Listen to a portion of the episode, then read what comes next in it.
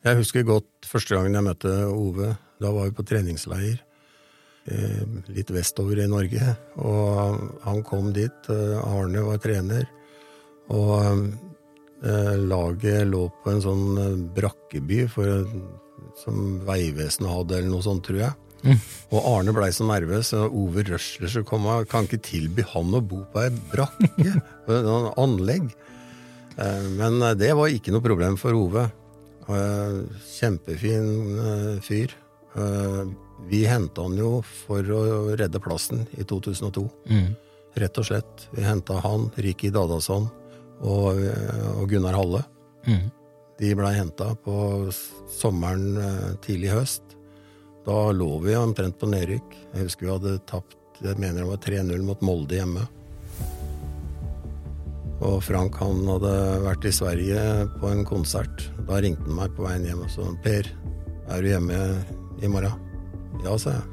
Da kommer jeg en tur. Nå er vi nødt til å prate. Da, da fikk Bjarne og jeg bare beskjed av, eh, av Frank at dere må bare ordne dette her. Så da, da henta vi Ove. Eh, Ove kunne vi hente fordi jeg tror det var Unterhacking eh, som han eh, var i. Den gikk konkurs. Han var kontraktsløs. Men han hadde bytta klubb én gang allerede det året. Og da kunne vi ikke bytte klubb mer enn én gang i løpet av sesongen. Ja. Og, men i og med at han eh, var kontraktsløs og arbeidsløs, så, så kunne han få gå hvor han ville. Og da greide vi å få Ove til oss. Og eh, han eh, var jo med og redda klubben da. Det, ja. Året etter så spilte han jo én kamp. eh, Nesten en hel kamp, men han måtte gå av ute i andre omgang mot Bodø-Glimt. Han skåra 1-0-målet, som vi, vi vant 1-0.